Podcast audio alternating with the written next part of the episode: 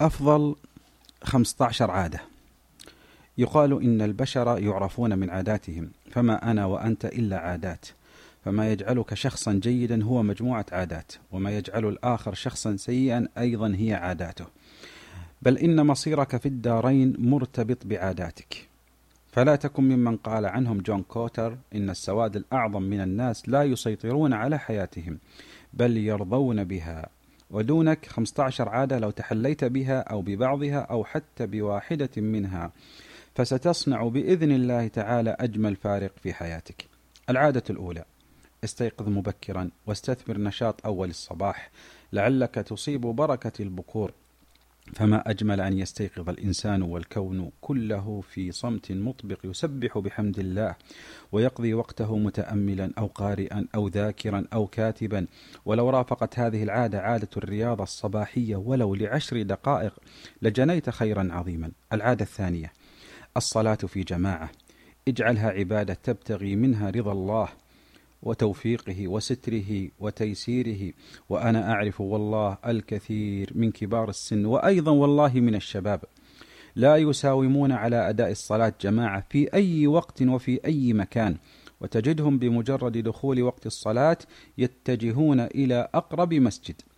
وبشكل تلقائي وأضف إليها صلاة الضحى والوتر والورد اليومي ولتجعل من المحافظة عليهن عادة بنية طيبة ومقصد حسن تبتغي فيها وجه الله ففيها والله من الأجر العظيم والثواب الكبير ما يستحق. العادة الثالثة عدد نعمك كل صباح. وإن كنت لن تستطيع ولن تستطيع والله على عشرها ولا على عشر عشر عشرها ولكن ما ما تستحضره في هذا الصباح. واشكر المانح الكريم الوهاب.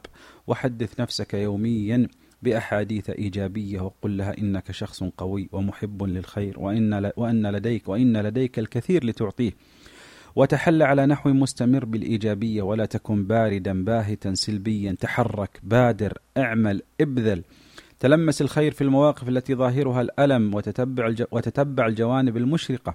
وتفاءل دائما ولا تفرط في يومك واجعل نشيدك قول أحد الحكماء حسبي أنني قد عشت هذا اليوم. العادة الرابعة ابتسم دائما وأشع الفرح في محيطك.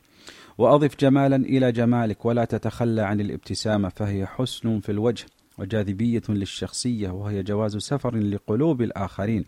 ولا تنس نصيبك من الضحك ولا تكترث كثيرا لتلك المقولة أن الضحك أن الضحك من غير سبب من قلة الأدب.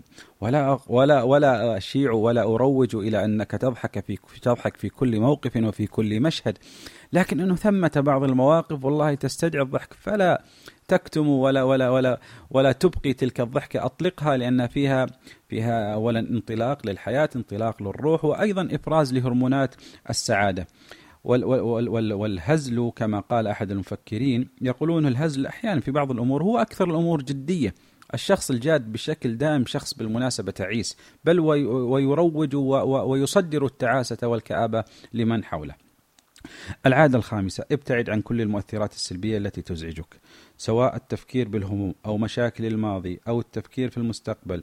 رب كفاك ما كان بالأمس سيكفيك في غد ما يكون.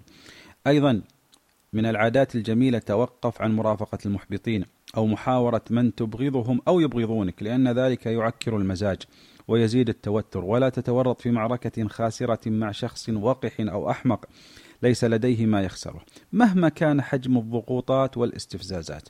وتذكر أنك عندما تتورط في تلك المعاكر في تلك المعارك ستكون أنت الخاسر الأكبر. واجعل من عاداتك عدم سرد الأخبار السيئة. بعض الناس عادات من عاداته إنه يسرد المصائب وفلان احترق وفلان مات وهؤلاء قتلوا وتلك الأسرة حصل عليها حادث. بل اجعل من عاداتك الجيدة عدم سرد الأخبار السيئة بل عاداتك الجيدة سرد الأخبار الجيدة وليس السيئة. ولا تتابع أخبار الحوادث والقتل والتفجيرات فهي تنال من نفسيتك وتستقر على نحو تراكمي في العقل الباطن فتجعل منك شخصا مضطربا وجلا متشائما. العادة السادسة عادة التريث والأنات وعدم الاستعجال في القول أو في ردة الفعل عاير الأمور قبل اتخاذ أي قرار دون تبلد أو هروب من حسم الأمور. اجعل من عاداتك أن تصنع مسافة بين المؤثر والاستجابة. فالعجلة لا شك تورث الندم والأنات طبع الحكماء وفضلاء البشر. عود نفسك على التأمل والأنات وعدم الاستعجال في إصدار القرارات أو الحكم على أي مشكلة أو حتى الحكم على الأشخاص. تأمل واستشرف ثم اتخذ قرارا والله يوفقك. العادة السابعة كن ممتنا. اجعل من الامتنان عادة يومية. قدر كل جميل وثمن كل عطاء. واثني على كل معروف. واشكر كل معطي. وامتن لكل مفيد في حياتك. صحتك سيارتك منزلك أسرتك. جارك الكريم المسجد القريب. واجعل من حمد الواهب. وشكره عادة يومية.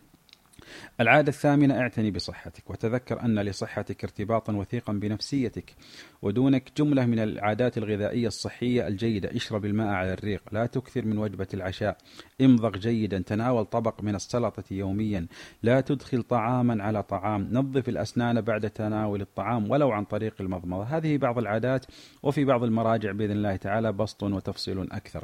العادة التاسعة لا يمر عليك يوم إلا وقد تعلمت شيئا وأضفت لحصيلتك المعرفية علما ولا يمر عليك موقف إلا وتأملت فيه وبسطته وحللته من جميع الجوانب وتلمست الصواب من الخطأ فيه. العادة العاشرة إص إص تعلم الإصغاء إصغ باهتمام وانصت بتفاعل لا تكن انتقائيا في أنصاتك اعط كل متحدث تقابله في يومك اهتماما ورعاية. فحسن الإنصات يكسبك الاحترام ويلبسك لباس الحكمة ويجعل من حضورك ومجلسك القا وروعه العادة الحادية عشر. اعتني بعادة عدم التدخل فيما لا يعنيك واحرص على الحياد في الخلافات ما أمكن ما لم يكن ظلما بينا وجورا وجورا فاضحا وميلا صريحا. لا تتدخل في شؤون الآخرين ولا تكن فضوليا ولا تناقش أي قضية لا شأن لك بها ولا تتورط في أي جدال. العادة الثانية عشر اجعل من عاداتك اليومية تخصيص وقت محدد لمواقع التواصل الاجتماعي. زمن محدد غير قابل للزيادة ولا تنسق ولا تنسق وراء الإغراءات.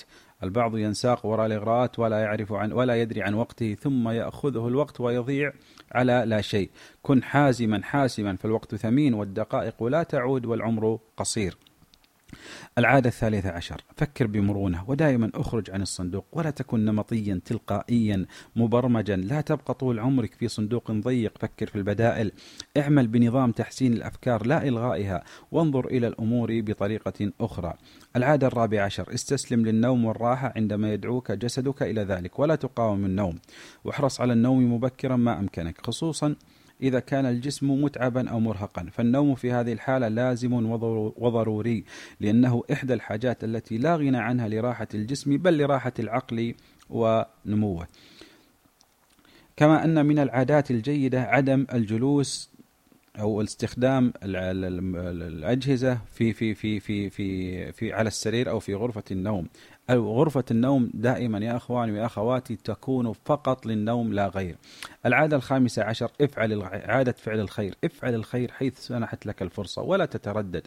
فعمل الخير طبع يكتسب وعادة تتعلم وفعل الخير دين والله سريع السداد. سعة في الرزق ونور في الوجه.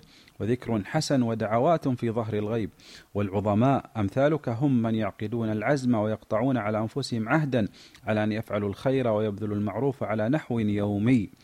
يقول أحد الحكماء إن أفضل ما في حياة الإنسان هي أفعال الخير الصغيرة التي لا يذكرها أحد والتي تنم عن الرحمة والحب.